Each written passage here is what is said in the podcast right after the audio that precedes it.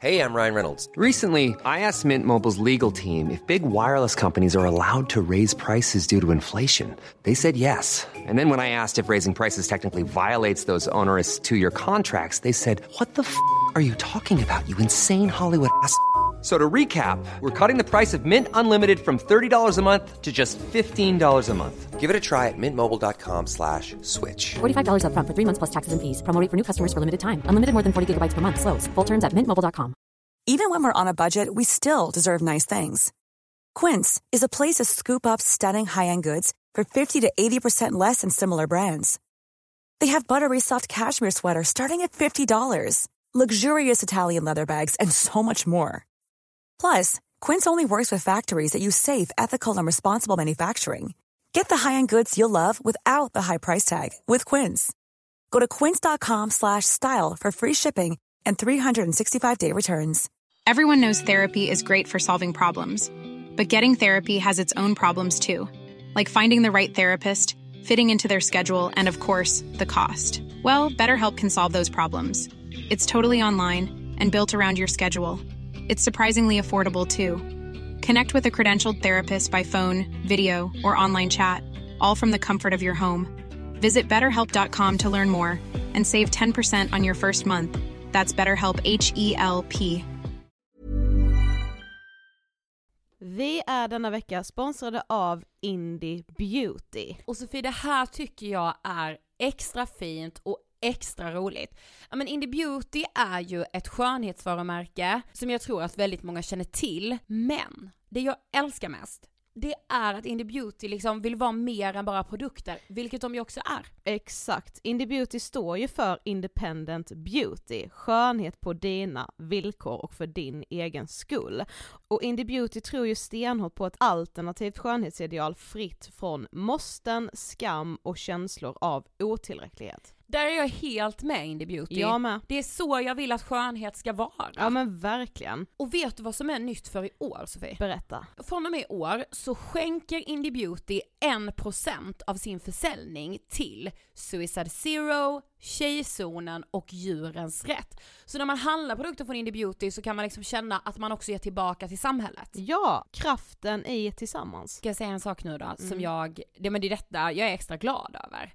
Nu har Indie Beauty tagit fram en keps och den tycker jag ändå så på sommaren, skydda sig från solen, Jättebra, jag älskar kepsen. men det bästa, de bidrar till Suicide Zeros viktiga arbete för att minska antalet självmord och självmordsförsök. Så för varje såld keps så går hela vinsten, 100 kronor, direkt till Suicide Zero. Då kan man liksom göra nytta både för samhället och sin hud på en och samma gång. Ja, och kepsen kostar 169, men alltså hela vinsten går då som sagt till Suicide Zero. Så om man vill göra skillnad när man är där ute i solen, nu när den börjar titta fram, då ska man välja den här kepsen. Den säljs exklusivt på indiebeauty.se och på Apotea. Tillsammans kan vi skapa en ljusare framtid. Vi ses med kepsarna på! Tack Indie Beauty. Vi är sponsrade av Mindler och som ni säkert vet sedan tidigare så är vi ju ute på psykologresan tillsammans.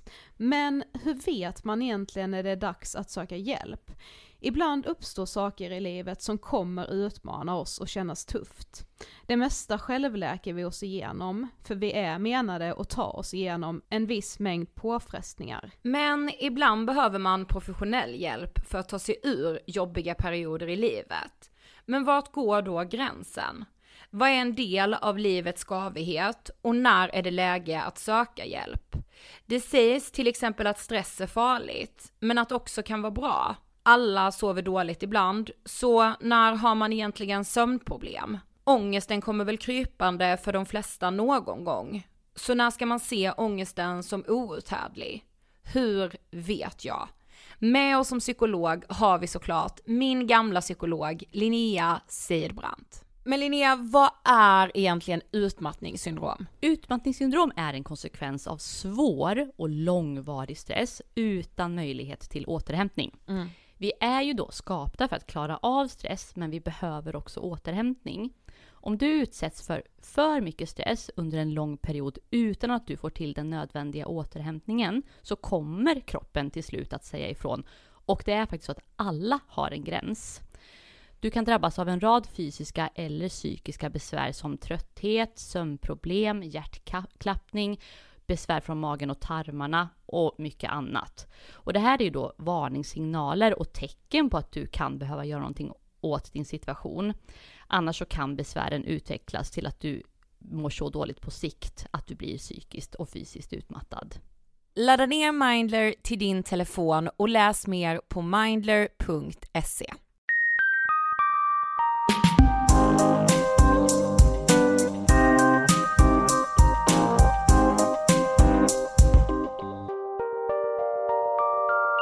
Hej på er och varmt välkomna till avsnitt 341 av Ångestpodden. Hej! Lite förbandat avsnitt. Det är förbandat, som det har hänt något stort i världen. Vi brukar inte vara så bra att ta upp, på, ta upp sånt ändå. Nej, men det nu- brukar vi. Vi bara säger så här: nej vi kan inte förbanda för vi måste ju kunna prata om aktuella saker. Vi, har, vi pratar ju fan bara om oss själva Ja, vi pratar aldrig om aktuella grejer. Det är Nej. helt... Ja. Alltså förstår du att det är rätt sjukt? Vi tar ju aldrig upp så ens när det har hänt. Vi var snabba på Paolo Roberto-grejen, den var vi snabba på. Ja. Vi var, det är typ det vi var snabba på. Ja, men vi tänker typ ändå om det, så här, om det har hänt något jätteallvarligt i eh, Sverige eller så, så eh, anledningen till varför vi inte tar upp det är för att vi har lite semester och förbandar det här avsnittet. Ja, Yes. så är det. Inga oklarheter. Nej, hur tänker du att du mår när våra lyssnare hör det här? Eh, förhoppningsvis bra. Jag är väl i något så chill mode. Du är, ja. Men usch det, det känns också som såhär, ja förhoppningsvis bra men vad som helst kan ju hända. Ja, jag vet. Det är så läskigt bara att Så förbanda, det är så jävla tänka. konstigt. Nej. Ja. Ja, men ja, ja, nog om det. Vi är denna vecka sponsrade av Nextory. Och det här är ju väldigt, väldigt härligt i sommartider att få samarbeta med Nextory. Nextory är en streamingtjänst för böcker. Ja, och det är ju så, man bara böcker, hur många då? Jo men hundratusentals böcker finns det att välja på hos Nextory. Ja, ja, och man får ju liksom så här tillgång till alla. Ja, och du signar upp dig, det finns fem olika abonnemang att välja mellan och sen är det liksom bara att streama på. Alltså det vill jag verkligen säga, man kan läsa och lyssna hur mycket man vill. Ja, man kan dessutom ha ett familjeabonnemang och dela på ett abonnemang. Hur bra är inte det? Nej men det tycker jag faktiskt är en riktigt, riktigt bra grej. För några veckor sedan så sa jag ju att jag hade en boktitel som jag skulle läsa den här sommaren. Och som jag har tänkt att jag ska läsa väldigt länge men det har liksom aldrig blivit av. Men nu Okej. har jag ju satt mig in i storyn där kräftorna sjunger. Den här boken, Den är har så ju- hyllad. den här boken är ett fenomen. Ja! Det är också en debutroman. Ja det är så coolt. Ja, det är så häftigt. Vad heter hon som har skrivit den? Hon heter Delia Owens. Ja just det. Eh, jag läser ju den på svenska, den är ju ursprungligen på engelska. Ja. Men det är ju en väldigt, väldigt fin historia om ensamhet, det är också en mordgåta Mm. och kärlek. Alltså den rymmer så mycket den Det här romanen. bästa av tre världar skulle man Ja, kunna säga. verkligen, som bara flätar samman till en och samma story. Ja, den är otrolig. Men du vet, alltså när jag är ledig på sommaren, då vill jag ju fylla min sommar med berättelser. Ja. Och liksom berättandet, alltså Sofie nu kommer jag låta helt liksom, berättandet får aldrig dö ut. Alltså förstår Ja, det är du? lite pretto. Ja men jag ja. är lite pretentiös det. Men fattar du vad jag menar? Alltså böcker är, jag vill bara slå ett slag för boken. Och det vill ju Nextory också och vi gör det tillsammans med en rabattkod. Och detta är nästan inte klokt. Nej. Men alla nya medlemmar får alltså lyssna gratis i 45 dagar. Ni går in på nextory.se kampanj och skriver i Ångestpodden. Ja, det är busenkelt. Ni har ingen anledning mer att vänta. Nej, nej, nej, nej, nej. Vet du, som jag har sett att Nextory frågar. Ja. What's your next story? Spännande! Tack Nextory. Jag skulle säga att vi släpper ett av de viktigaste avsnitten på väldigt länge idag. Ja, alltså jag var skakad och berörd. Ja. På ett väldigt positivt sätt. Efter att vi hade poddat med dagens gäst som är Julia. Julia Pivén, konstnär, författare och våran gäst idag när vi ska prata om schizoaffektivt syndrom. Yes. Och schizoaffektivt syndrom eh, innebär att man drabbas både av psykoser och svängningar i stämningsläge. Eh, Jag läser på Mind att de skriver att det kan upplevas som förvirrande, dramatiskt och innebära stora risker om sjukdomen får härja fritt.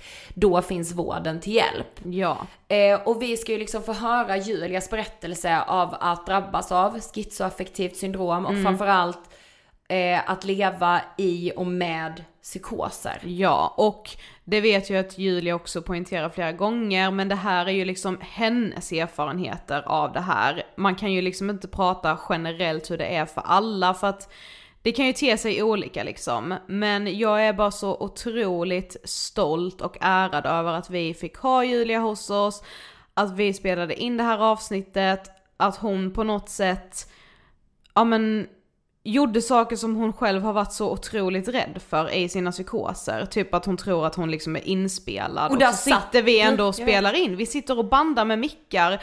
Där det har varit så här, en av hennes största rädslor är att det sitter liksom dolda mickar överallt som spelar in henne. Alltså det är bara så här. Nej men jag är så, så stolt över att få göra det här och väldigt stolt över Julia också som ville komma och gästa oss. Eh, ja, Ja. Vad mer ska jag säga? Alltså, Och hon har ju precis släppt, alltså nu första augusti släpptes hennes bok Hysterikan, en konstnärs berättelse om psykos. ja. Eh, Vi har ju fått bläddra i boken. Otrolig. Det, ja, det är ju verkligen bara så här en djupdykning rakt in i ganska mörk psykisk ohälsa. och psykiatri och att må piss och Ja. att ibland inte vilja leva. Precis. För det är ju också Ångestpodden och det är jag så jävla stolt över. Exakt. Vi ska rulla intervjun med Julia nu. Varsågoda! Hej Julia och varmt välkommen till Ångestpodden. Hej, tack så jättemycket. Väldigt kul att vara här. Det känns jättekul att ha det här. Du ska få berätta, vem är du? Eh, jag är då Julia Pivén, konstnär och snart författare. Eh, jag eh, lever med en psykossjukdom som påverkar mitt liv ganska mycket. Jag har även komplex PTSD. Och det ska vi ju prata om idag. Ja. Men först ska du få Ångestpodden-frågan. Vad tänker du på när du hör ordet ångest? Åh, vad tänker jag på? Det är inte som att eh, hela kroppen bara fylls av ångest just nu i nervositet liksom. Eh, när jag tänker på ångest så tänker jag på någonting grått. Jag tänker på uh, någon form av abstrakt, lite så här lerig tavla tror jag. Eh, kanske med lite växtdelar i som är döda sedan länge. Mm. Fin beskrivning ändå. Men idag ska vi prata främst om schizoaffektivt syndrom. Och vi tänkte börja med, alltså vad är det för någonting? Jo, eh, schizoaffektivt syndrom är, och jag är ingen eh, expert, det här är bara eh, vad jag har förstått efter bästa förmåga, så beskriver jag, eh, att det är eh, liknande schizofreni. Eh, man har eh, psykoser, men man kan även ha hypomani. Eh, alltså att man blir eh, manisk och går upp i varv och eh, gör saker som man kanske sen kan ångra och så här. Eh, det, det kan bli ganska allvarligt. Det, som att stor, man tar stora livsbeslut kanske under en mani som, man inte, som inte blir bra. Även fast det känns väldigt bra just då. Eh, nu är det så här att jag har inte så mycket hypomani i min sjukdomsbild. Men jag har den diagnosen ändå. Det, det är väldigt mycket som får plats inom eh, begreppet eh, schizoaffektivt syndrom. Så ehm, jag kan bli manisk när jag är väldigt psykotisk och därför kvalis- kvalificerar jag för den sjukdomen. Mm. Ska, ska jag faktiskt säga en sak? Jag visste inte, eller så här, jag hade typ inte hört schizoaffektivt syndrom Nej, förrän du skrev till oss. Mm. Och, då, och det gör mig liksom på något sätt lite chockad för att jag, vi ändå har jobbat med Ångestpodden i liksom så många år och bara en googling bort insåg jag att det här är ju inget jätteovanligt direkt. Nej. Alltså så här, folk drabbas ju av eh, den här liksom diagnosen. Och jag, men jag vet alltså schizofreni har man ju alltid vetat känns det som. Men jag hade liksom inte hört schizoaffektivt syndrom. Mm, eh, nej, det, det är ju så att det talas mindre om eh, de här psykossjukdomarna och personerna som lever med psykossjukdom Ja. än vad det gör med vissa andra diagnoser. Jag hoppas att det ska förändras snart.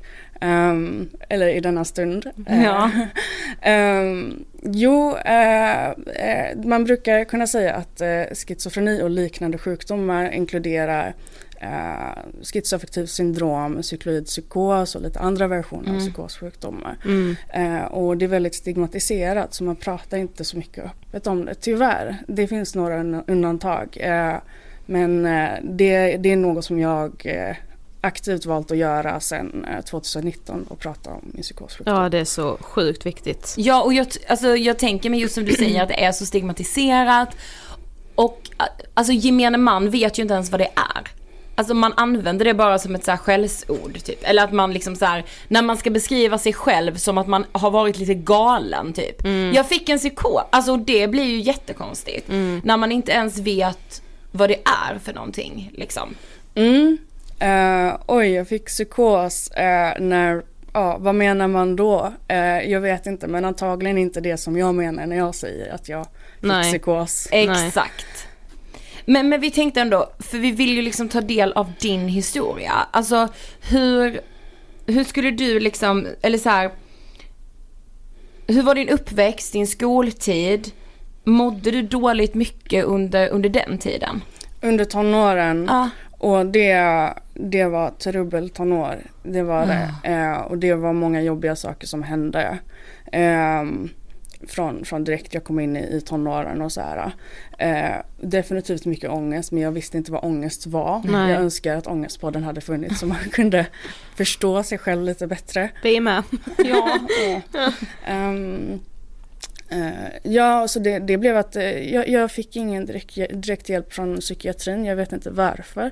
Ehm, men eh, ehm, Men du sökte ändå hjälp för att du kände att du mådde dåligt? jag, var på, jag var på ett möte på BUP, eller Ja, två kanske. Eh, och sen så gick det ingenstans. Jag vet inte varför men jag ville heller inte att mina föräldrar skulle veta att jag mådde dåligt. Så. Ehm, eh, och det, jag hade eh, mycket vänner som mådde dåligt också. Det blev lite grann, alltså man, man drar ju sig till andra som liknar en själv. Mm. Eh, och då blir, kan det bli ofta att eh, många människor som mår dåligt samlas på samma ställe. Mm. Eh, och och det, det kan slå fel. Eh, Mm.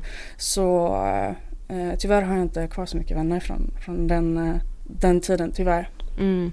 Jag hoppas att alla mår bra idag. Mm. Ja, nej, men eh, någonting som var coolt med mig som tonåring var då att eh, när jag eh, eh, fyllde 12 år så var det som att en klocka, klockan slog 12 liksom. Jag började klä mig svart. Nej. Eh, jo, det, och, och det var svartvit sminkning, starka kontraster och uppuffat hår och luggen framför ögonen och så här. Jag, jag var goth. Liksom. Det, För det ska ju sägas att du sitter ju här idag också i svart outfit och har ju en väldigt liksom egen snygg stil. Åh, tack så mycket. Ehm, jo, det, det har hängt kvar. Eh, det har blivit, eh, det har gått från att vara, inte ett uttryck som var rebelliskt för mig, utan som var eh, ett sätt att uttrycka mig själv och vem jag var. Och kanske hur jag mådde, det vet jag inte. Mm. Och sen så finns det eh, tillfällen på senare år som har gjort att jag har fått en annan innebörd för mig. Den här klädstilen som är ganska extrem och iögonfallande. Ehm, och det är eh, att det finns ett tillfälle då jag eh, sitter på passcentralen som jag skriver om i min bok då. Eh, på, på, passcentralen och ska eh, eh, försöka und- jag försöker undvika att titta på alla kameror medan jag väntar på att det ska bli min tur att, att ta foto på pass. Och då har jag hela sminket och allting sånt där. Eh, och då, då inser jag och reflekterar att den här, den här outfiten som jag bär nu, det är ju en styrka, en frihet liksom. Eh, jag väljer att ta plats på ett sätt som många andra inte gör. Och det har fått en helt annan innebörd. Mm. Ehm, och särskilt om man lever med paranoida vanföreställningar och, och, och har de här kläderna där folk tittar efter den. Det blir, det blir något speciellt liksom. Det blir som att man äger, äger sig själv på ett annat sätt. Så är det Ja. för mig. Jag Gud jag är fattar. så inspirerad. Ja, verkligen. Men 2013 när du har slutat gymnasiet så får du din första psykos. Vill du berätta om det? Alltså vad hände? Ja, först så kom det smygande över en lång period. Um, uh, det började strax innan jag fyllde 19. Uh, eh, och sen så var det en längre period då jag inte reflekterade så mycket över att ja men det är kameror eh, som, som spelar in mig och det är mikrofoner i min lägenhet och sånt där. Jag, det bara smög sig på sen så var det standard. Det var livet. Mm. Eh, och jag eh, visste inte vad psykos var för någonting. Jag visste inte vad panikattack var för någonting. Ehm, men då är det ett tillfälle där på våren då, då det blir lite värre. Jag sitter på en bänk och får en panikattack. Eh, och den här stressen gör så att min eh, lågaktiva psykos kanske man kan kalla det eh, aktiveras och jag förlorar sjukdomsinsikten helt och hållet. Ja. Eh, och jag börjar tro att eh, man kan läsa tankar. Eh, att jag blir förföljd, att alla är skådespelare. Eh, och jag försöker eh, eh, I min bok så försöker jag liksom förklara eh, hur det går till, hur man kan vara en fullt rationell individ och fortfarande sjukna in. Eh, hur processen ser ut. Eh, för eh, jag, jag värderar logik och rationalitet väldigt högt som Ja. liksom, min personlighet eh, är sådan. Samtidigt så är psykoser fullständigt ologiska. Mm. Hur hänger det ihop? Ja, precis. Det är sån stor kontrast mot vem jag är. Men just så som du beskriver, alltså att du, alltså du, alltså subtilt, började du då känna att så här, det är mikrofoner i min lägenhet, det är kameror i min lägenhet, fast det inte var det liksom. Mm. Och det bara smög sig på. Ja. Ja. Det smög sig på. Eh, någon, det kan ju börja med att man eh, får för sig att vännerna talar illa om en. Så, Mm, ja. så, och, och tänker att eh, ja, man blir rädd för det och sen så kanske man agerar på det och så här. Den typen av paranoia är ganska vanlig. Mm, det skulle Eh. jag säga, ja, för det har väl alla känt. Alltså så här att man liksom, att många typ snackar skit om en bakom ryggen, att ingen Jo. tycker om en egentligen. Alltså, Eh, Jo men jag tänker alltså, kan det också vara psykotiskt menar du? Att, alltså folk som handlar, hamnar i en psykos, att det, att det börjar med att så här, nej okej nu vill de här mig illa och alltså, Nej, Nej. absolut inte. Det ska Nej. krävas väldigt mycket för att eh, man ska nå den här nästa nivån som är rena vanföreställningar. Ja, precis. Jag skulle inte säga att man är rädd för att eh, vännerna snackar skit om en. Det är inte, det är inte paranoia i psykiatrisk mening. nej Exakt. precis. Eh, Men eh, ja, det, det började lite på det viset och sen så var det fler aspekter av mitt liv som förändrades och helt plötsligt så tror jag att alla går omkring och läser mina tankar och jag lever i en skräckvärld, en total mardröm Mm. eh, som jag bara vill fly från. Och det är då jag eh, eh, plötsligt hamnar på sjukhus i Malmö mot min vilja. Och där blir det värre. Mm. men varför hamnade du på sjukhus?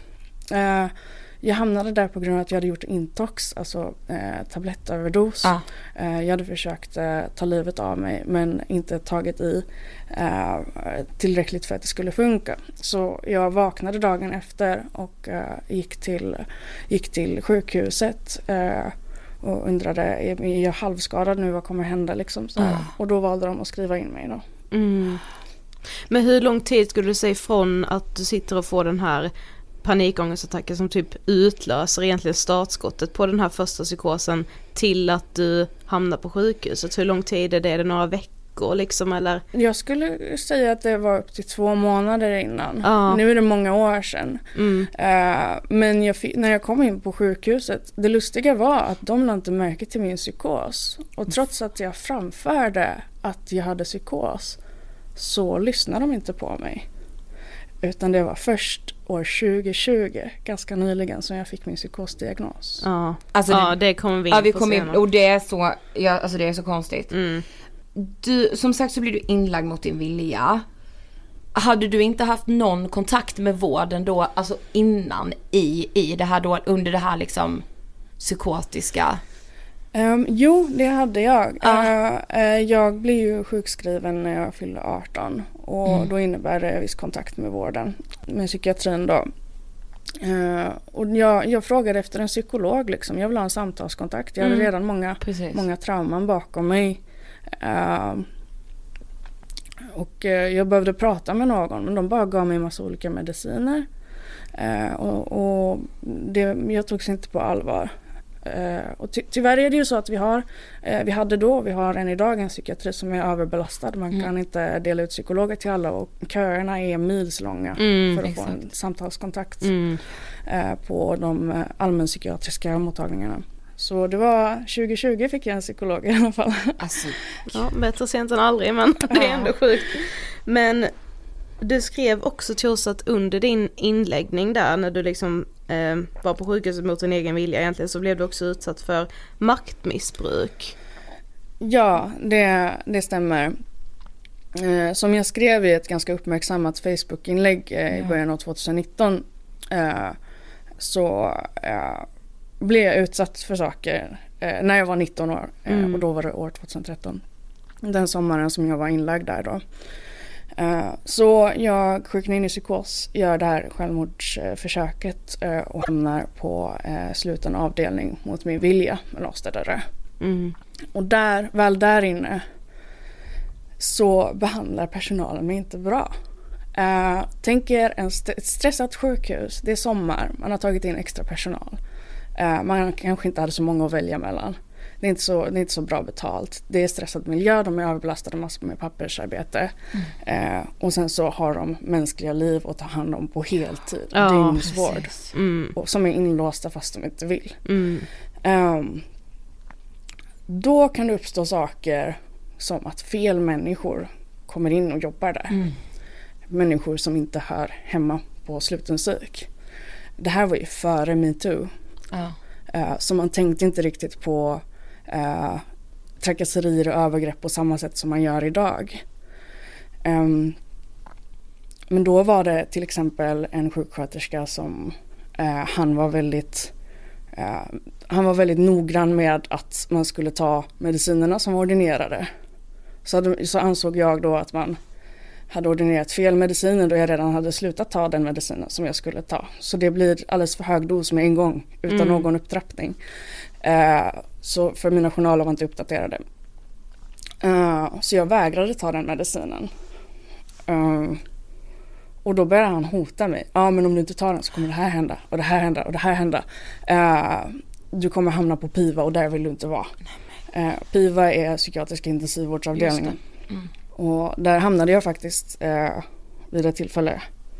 Och eh, där, där nere på bottenplan, eh, eller det är liksom till hälften under jorden, så eh, kunde de, personalen eh, utsätta en för liksom, sociala experiment. Så här. Eh, där de, eh, eh, och det här har upprepats med många patienter. Jag har fått bekräftat i efterhand av andra Mm. eh, att andra har blivit utsatta, utsatta för samma grej. Ehm, de låter kvinnliga unga patienter, kanske med borderline-diagnos eller så, vara ute i korridoren ihop med, släpper de ut de farligare männen, liksom, gubbar eh, som, eh, för att se vad som händer liksom. För att det är lite spännande eller vad, alltså, nej jag blir galen. För att se hennes reaktion antar jag. Ja. Jag vet inte vad som driver dem. Men det var liksom på något kollektivt sätt alltså att det, det fick ske. Och det var en tjej som blev upptryckt mot ett hörn och, och försökte försvara sig. Då blev hon bestraffad och bältad för det. Eh, som jag minns det. Mm. Eh, hon, hon, hon, slog ju, hon slog ju på honom för att försla, försvara sig. Mm. Eh, Medan han vi- ville förgripa sig på henne mitt i ett hörn på ett sjukhus. Eh, så, så var det hon som fick bestraffningen liksom. Eh, för att inte kunna kontrollera sig själv. Medan jag ehm, var inte lika tuff. Jag eh, kröp ihop till en liten boll på golvet och började skrika hjälp. Ja. Eh, och till slut så kom de och, och, och hjälpte mig. Eh, men det var min reaktion då. Och det var nästan, alltså jag kände nästan att de skrattade åt mig. Jag vet inte hur inbillat det var. Men, Mm. ehm, och, och i journalerna sedan så står det att hon har bara lagt sig ner på golvet och börjat ropa. Liksom. Mm. Vet ni vad, alltså jag tänker också, alltså det som gör en, alltså det är många dimensioner av liksom så här ilska man känner när man hör det du berättar Julia, vilket också är så strångt och starkt av dig. Men ni vet att jag blir så här, det är verkligen redan så utsatta människor som befinner sig på de här avdelningarna. Ja. Att inte respektera de människorna och att så här, minimera människovärdet av de här sjuka patienterna. Jag kokar. men- Alltså jag blir, ni vet jag vill ställa mig, jag vill gå dit nu. Nej men jag tänker att det ska ju vara en miljö där man ju faktiskt ska bli hjälpt att bli frisk. Då krävs det också att man känner sig trygg på Exakt. den platsen. Det är ju som att inte känna sig trygg i sitt egna hem. Då mår man ju såklart jättedåligt. Ja, eh, absolut så är det. Och det finns vissa risker med att tala om vad man har varit med om i, inom sluten psykiatrin öppet. För det finns, eh, det är flera anledningar. Det är till exempel, men vad händer nästa gång jag blir inlåst? Ja. Så om jag skulle bli inlåst på Malmö sjukhus igen nu efter jag pratat om det i Ångestpodden. Vad, hur skulle de bete sig den här gången då? Skulle jag någonsin bli utsläppt? Ehm, för Ja, det är det- ju väldigt godtyckliga regler på hur man kan lägga in en person. Mm. De kan ju frihetsberöva någon som har begått ett brott men först efter ordentliga rättsprocesser. Precis. Men de kan frihetsberöva en som är psykiskt sjuk bara för att en läkare tycker det ihop med en kollega. Ja, precis. Eh, Det finns en tredje sak som eh, gör att man kanske inte vågar berätta och det är om man är kvinna och vem ska tro på mig om jag berättar det jag har varit med om. Ehm, så det är, det är liksom de här gamla hysterikorna som vi hade som uh, låstes in på sanatorium. Exakt. Eh, det, är- det är något som lever kvar i Ja. någon form idag. Um, visst är det fantastiskt att man kan driva en kvinna till vansinne och sen bara låsa in henne. Exakt. Och Alltså, ingen kommer åh, tro på henne. Ja. Åh, det så, alltså jag, jag ryser för att jag får... Jag med. Alltså nej men det är... Ja. Och eh, en till grej som hände på Piva eh, var att eh, en skötare sent en kväll eh, sa åt mig att följa med honom in på, i rökrummet. Där det var släckt. Och där tog han på mig, på mitt bröst. Det hände där. Och detta har jag anmält. Eh, Jag har anmält alltihop. Det har inte gått vidare. Grejen är att IVO, eh, Inspektionen för vård och omsorg, hävdar att organisationen har bytts ut på Malmö sjukhus. För det har gått så många år sedan dess. Det tog ju många år innan jag vågade prata om allt det ja, här. såklart. Ehm, eh, och det lustiga är att det är samma chef som sitter kvar för psykiatrin. Sedan 2012. Sitter kvar idag. Så du stämmer det ju inte ens det de Det säger. stämmer inte. Nej.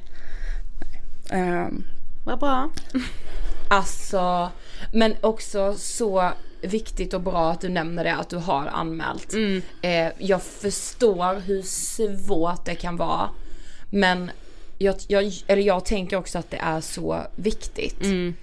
Sen frustrationen och liksom, ja men det blir också som ett ytterligare lager när det inte händer någonting. Ja, eh, ty tyvärr eh, så har jag inte kommit någon vart hittills med de anmälningarna jag har gjort till olika instanser. Eh, det var ju i samband med det här inlägget som jag nämnde då, eh, som jag skrev i början av 2019. Eh, det delades tusen gånger, eh, så det var ganska många som läste det. I samband med det så var det många som hörde av sig med patienter då som varit med om liknande saker, eller värre saker än jag. Ehm, mycket värre saker. Och, och de vågar inte berätta av olika anledningar då. Eh, och jag sa att men jag kommer driva detta. Jag lovade liksom att jag kommer driva detta och prata om detta så mycket jag bara orkar. Sen var en konsekvens av att jag gick ut med detta på, på Facebook och blev lite så här halvt offentlig för en Mom deserves the best, and there's no better place to shop for Mother's Day than Whole Foods Market. They're your destination for unbeatable savings, from premium gifts to show-stopping flowers and irresistible desserts. Start by saving 33% with Prime on all body care and candles. Then get a 15-stem bunch of tulips for just $9.99 each with Prime. Round out Mom's menu with festive rosé, irresistible berry chantilly cake, and more special treats. Come celebrate Mother's Day at Whole Foods Market. Hey, I'm Ryan Reynolds. At Mint Mobile, we like to do the opposite of what Big Wireless does. They charge you a lot, we charge you a little. So naturally, when they announced they'd be raising their prices due to inflation, we decided to deflate our prices due to not hating you. That's right. We're cutting the price of Mint Unlimited from $30 a month to just $15 a month. Give it a try at mintmobile.com slash switch. $45 upfront for three months plus taxes and fees. Promo for new customers for limited time. Unlimited more than 40 gigabytes per month. Slows. Full terms at mintmobile.com. Hiring for your small business? If you're not looking for professionals on LinkedIn, you're looking in the wrong place. That's like looking for your car keys in a fish tank. LinkedIn helps you hire professionals you can't find anywhere else, even those who aren't actively searching for a new job but might be open to the perfect role. In a given month, over 70% of LinkedIn users don't even visit other leading job sites. So start looking in the right place. With LinkedIn, you can hire professionals like a professional. Post your free job on linkedin.com slash people today. Det blev att det var en stress. Eh, Så en bit in på 2019 så började fler saker i mitt liv bli lite mindre stabila och jag sjuknade in i en ett år lång psykos.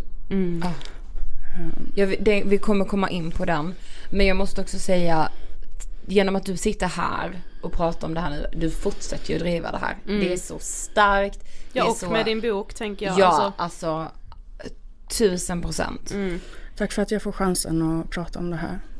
Det är vi som ska tacka. ja verkligen. Men, men när du beskriver hur du har mått i olika perioder eh, i ditt liv så använder du ordet gränspsykotisk. Ja, Vad innebär det? Eh, gränspsykotisk är eh, ett begrepp som man använder inom psykiatrin och det kan vara så att jag beskriver det lite annorlunda än vad de som kan diagnostiken, eh, hur de använder det. Eh, men gränspsykotisk enligt mig, det är det stadie som jag har varit i i princip sedan 2013. Alltså att eh, mer eller mindre psykotisk. Eh, jag upplever vanföreställningar men jag kan avgöra, eh, jag kan, jag kan lägga märke till att det är vanföreställningar. Jaha, det här är en psykostanke. Då lägger vi det i det facket liksom. Så att jag kan värja mig mot sjukdomen. Då, då är jag gränspsykotisk och då har jag sjukdomsinsikt som det heter då. Men vad kan en liksom psykotisk tanke, eller så här, en psykostanke, vad kan det vara för något? Det kan vara att jag plötsligt inser att eh, jag, eh, det är mikrofoner i rummet eller kameror, vilket är lite ironiskt med tanke på Ja, att vi det, nu är det faktiskt. Det är dock inga kameror som filmas. Eh, nu finns det mikrofoner här Ja. som lyssnar på oss. Ehm, eh, ja, men och, och, och att det kan, jag vet att jag, när jag får den upplevelsen så kan det spinna vidare till att jag tror att det sitter någon i andra rummet och pratar om mig så hör jag dem i mitt huvud hur de pratar om mig liksom så här. Eh, men det, det brukar jag kunna slita mig ur eh, nu för tiden. Jag har en längre, jag har en längre friskare mm, period just nu. Ehm, Ehm, så, så då handlar det om att eh, kategorisera att det, och det, det här är en psykotisk tanke eh, och sen agera liksom och förändra situationen så att det inte blir värre så att stressnivån inte blir högre. Eh, och göra vad man kan. Om det är så att man är social, eh, man är på en, en fest eller vad det kan vara.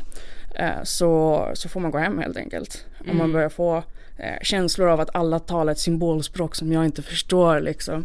Så här, då, då är det dags att börja runda av och ta sig hem och sen så tar det lugnt ett par dagar.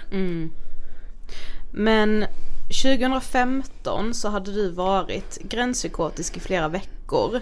Och det är också första gången som du faktiskt träffar en läkare som pratar om att det här handlar om psykoser.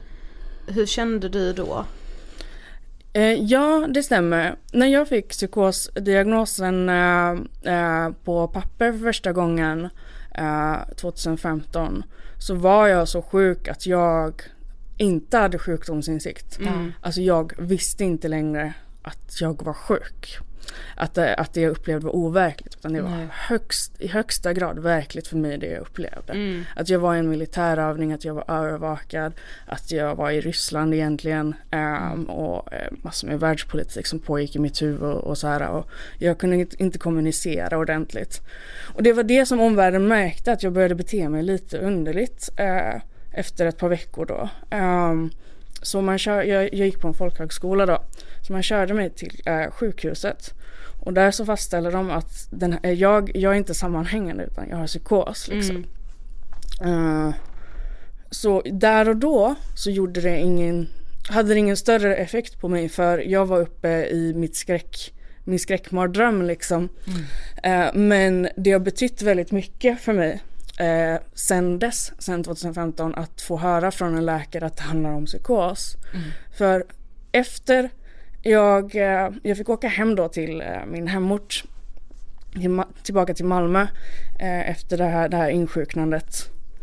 Eh, och då hamnade jag mellan stolarna igen. Eh, så den här, att en läkare kommit fram till att det var psykos, det innebar inte en diagnossättning som, eh, som kräver behandling. Utan det var akut insjuknande och de skyllde det på det ena och det andra.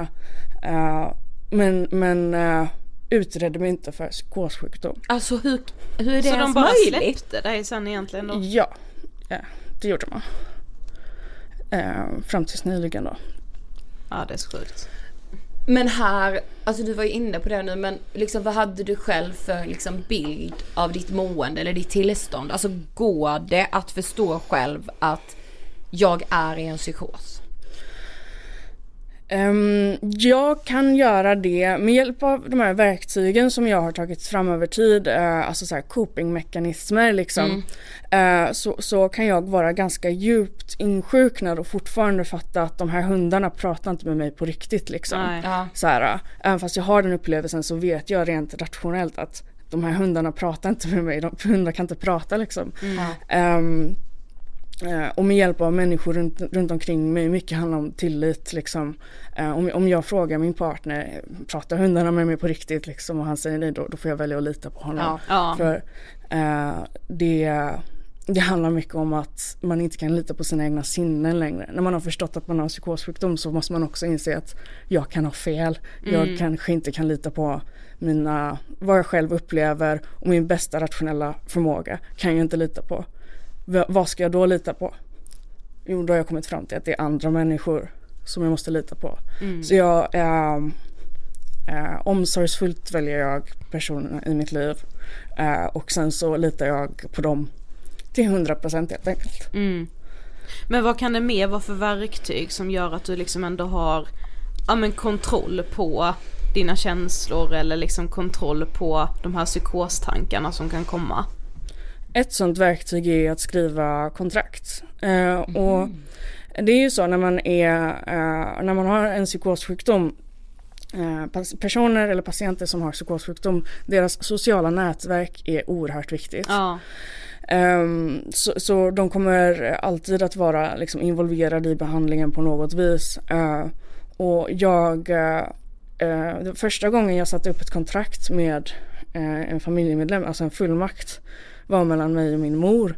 Så det var, eh, i, i ett sms så skrev jag, eh, så här vill jag behandlas om jag blir så sjuk att de kör mig till sjukhuset. Så här vill jag bli- bli behandlad på sjukhuset, jag vill att du framför detta och mina vägrar. Mm. Ja, ja. Eh, eh, och eh, så signerade jag med mitt personnummer, ort och datum i ett sms. Och hon svarade och sa okej, ort och datum, så, här, Mm. personnummer. Eh, och då, då hade hon fått en fullmakt. Eh, som kan det tolkas som liksom. Så Ja. hon har rätt att föra min talan. Mm.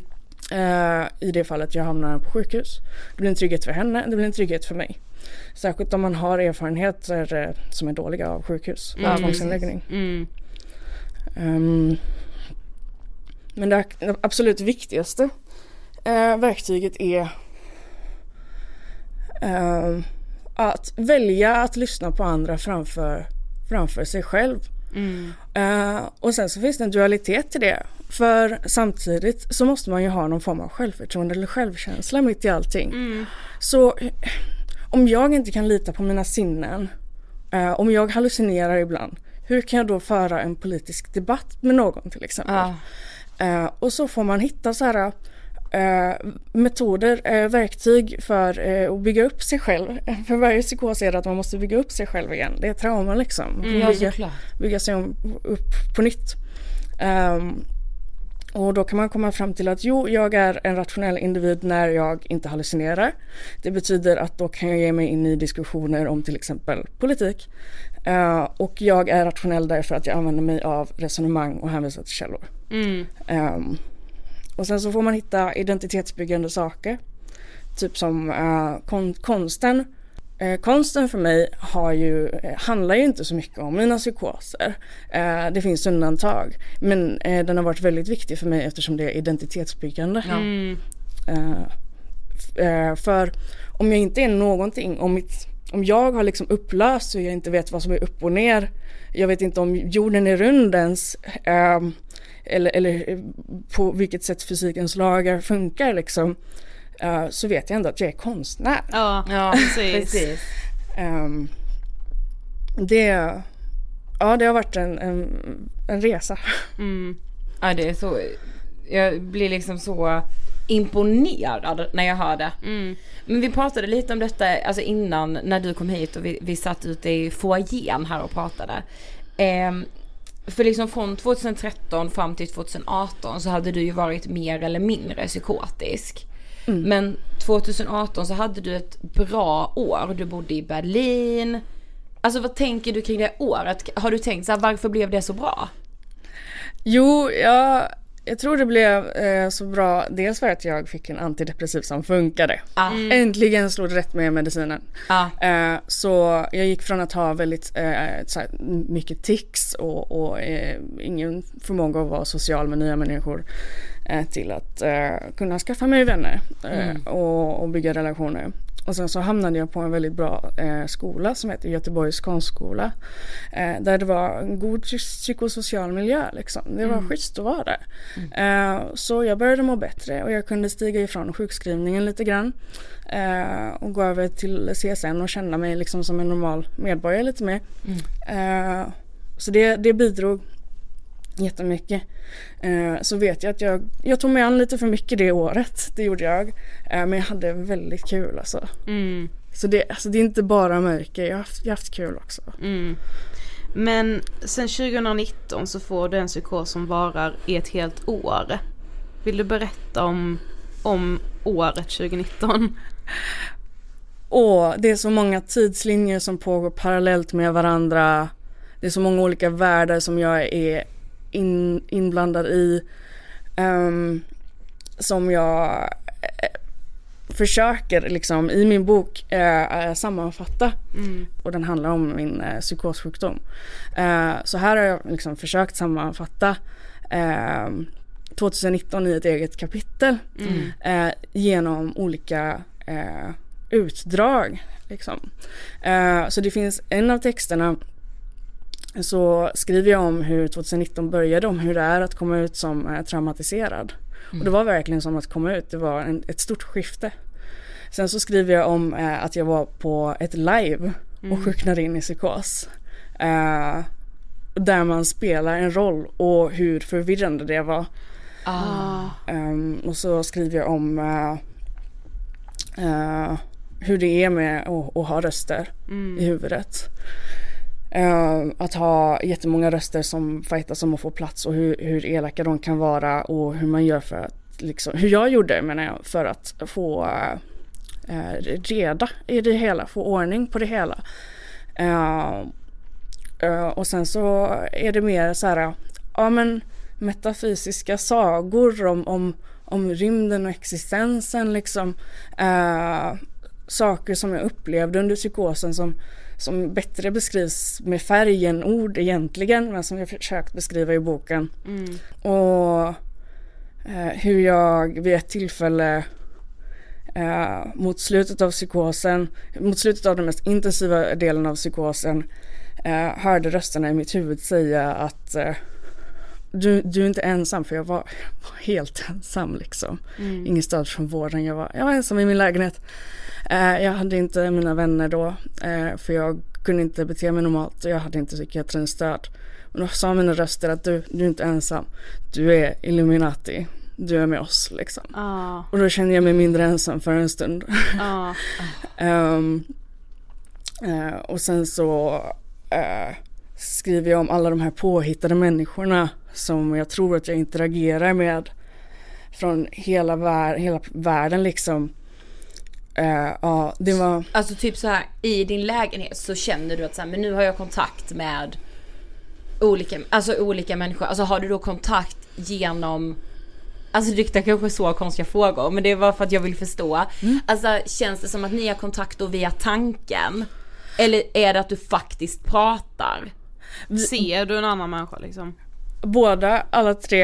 Eh, eh, och en fjärde, det var jag, jag trodde faktiskt att jag hade ett sånt här uh, neural implant. Som det lanserades då att Elon Musk skulle släppa någon så här Ja. neural implant som man kunde köpa och uppgradera sin hjärna eller någonting Just sånt där. ja. Och då trodde jag att någon hade planterat det i, i min hjärna typ. Mm. eh, Mot min vilja. Och att det var så någon styrde min kropp åt mig liksom.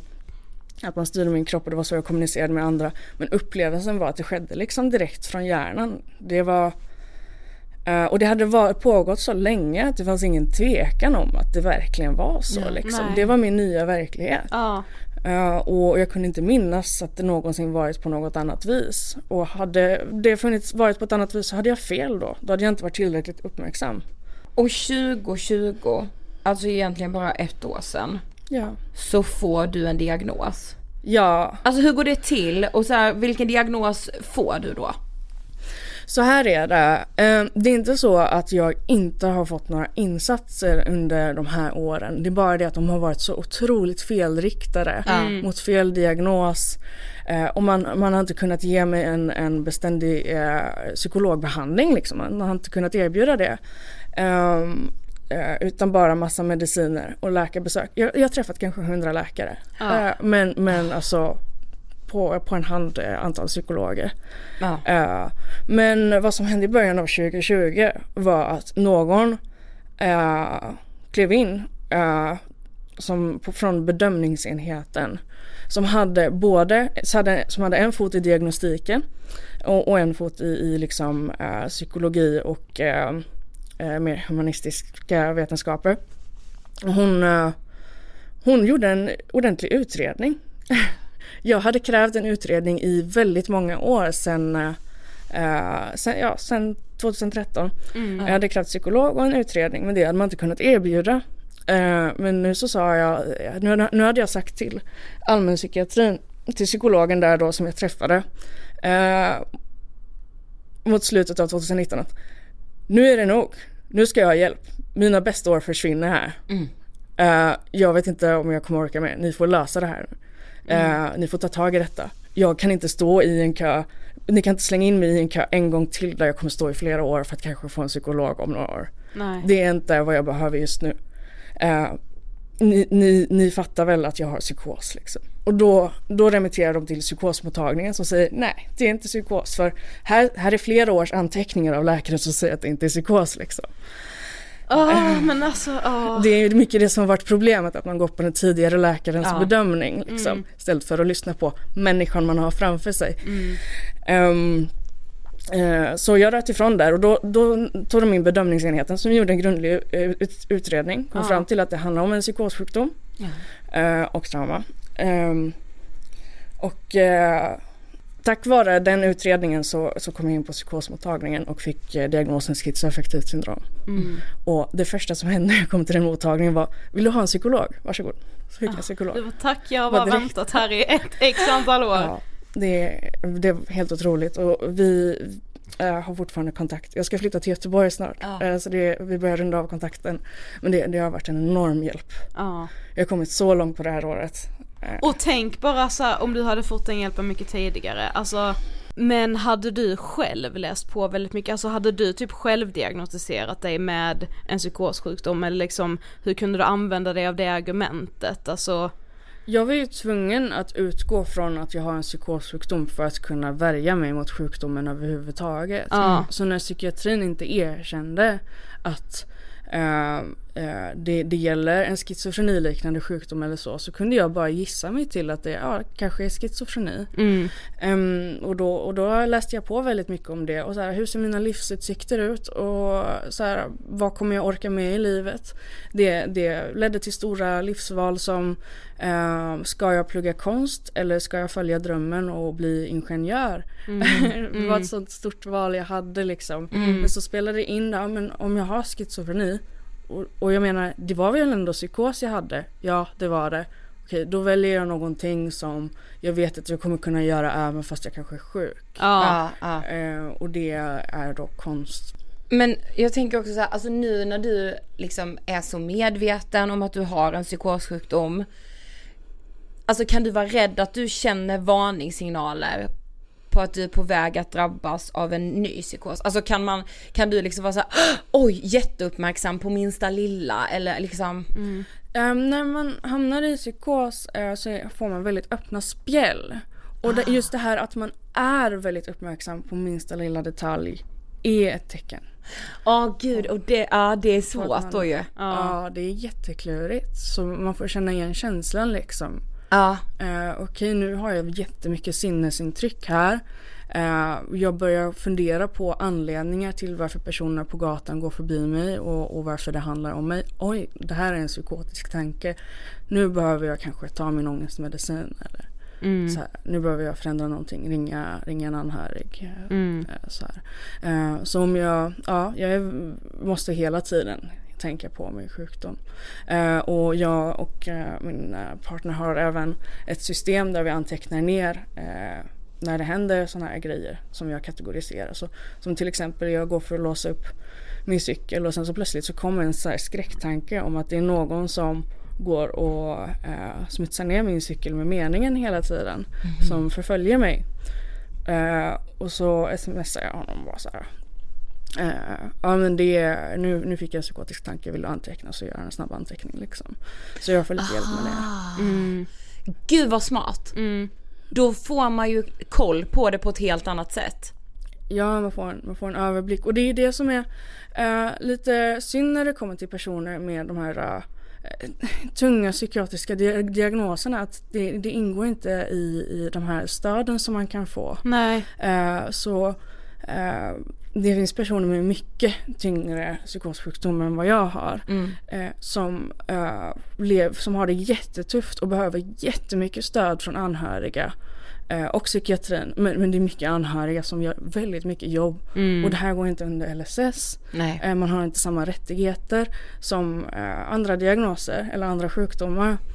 Ehm, och jag tror det har att göra med att det är en osynlig grupp. Mm. Och jag tycker det är lite konstigt att inte, att det inte beskrivs som en funktionsnedsättning på samma sätt som andra sjukdomar. Ja det är jättekonstigt faktiskt.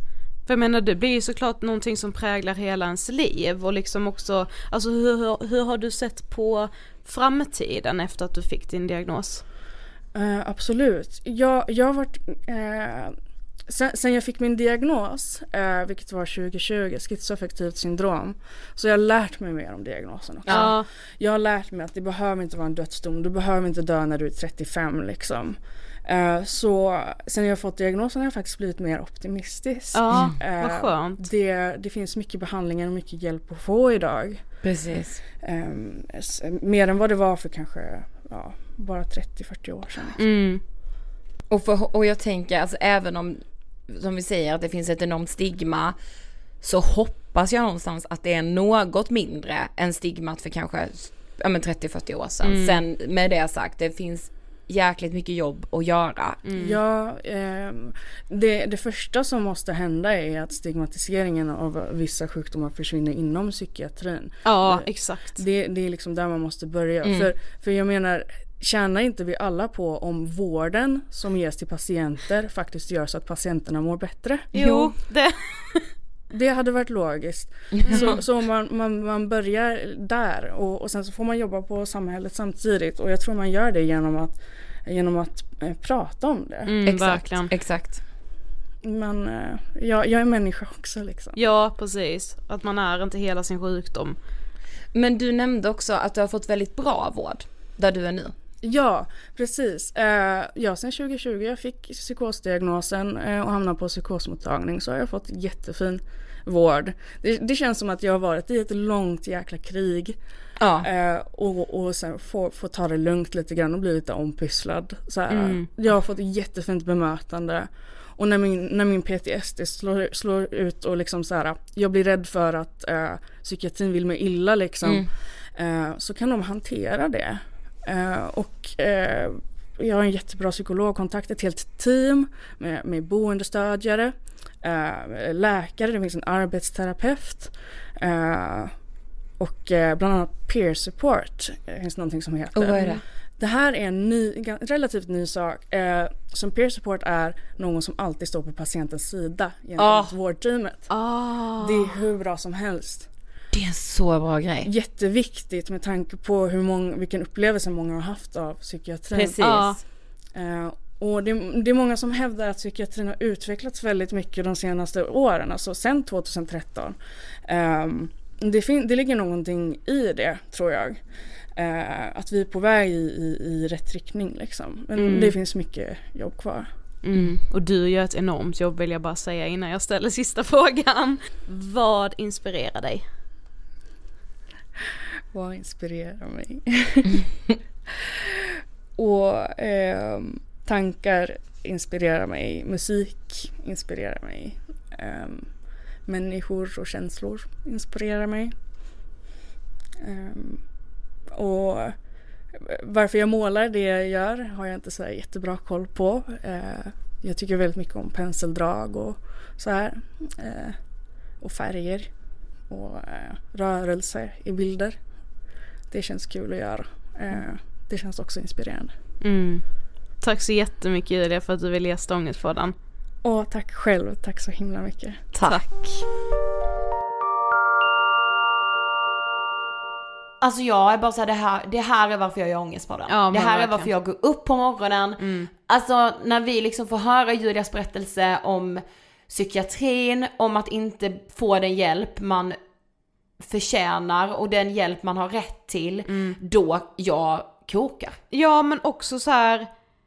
Alltså jag vet inte vad som kan vara hoppfullt om inte det här Mm. är hoppfullt i sin, hoppfullt i sin liksom renaste form. Ja, verkligen. För att ha varit så nere på botten, blivit behandlad väldigt dåligt av psykiatrin, ja men bara att liksom må skit, skit, skit. Och ändå bara ta sig upp ifrån det, vara väldigt kreativ, skriva en hel fucking bok. Ja, Alltså, så här, alltså jobba som konstnär. Ja! Hallå? Alltså Ja. förstår du? Men du vet också, alltså Julia hade ju väldigt liksom utmärkande stil, Mm. vilket jag också tyckte var så coolt. Och Mm. hon berättade ju också för oss att så här, ja min stil drar ganska mycket blickar till sig, vilket i hennes psykos har varit jobbigt. Alltså, var, varför tittar alla på mig och varför? Och ändå så liksom äger hon det nu genom att Precis. liksom ha sin egen stil och uttrycka sig på det sättet. ja, Eh, otroligt. jag vill ju tipsa om Julias bok, återigen, Hysterikan, en konstnärs berättelse om psykos. Eh, för att köpa den kan ni gå in på juliapiven.com. Alltså julia, P-I-V-E-N.com. Ja, Jag tänker rekommenderar alla. Ja, och vi kan ju också länka till eh, hennes hemsida på vår Instagram. Där heter ju vi Angestpodden. Att vi fick göra detta avsnittet, hur Ja. bra? Tusen, tusen tack Julia för att du vill gästa Ångestpodden och för att du vill prata om dina erfarenheter av psykisk ohälsa. Det är värdefullt och det, det är sånt här som förändrar på riktigt. Verkligen. Tack för att ni har lyssnat ännu en vecka på Ångestpodden. Vi hörs som vanligt nästa vecka. Hej då! Hej då!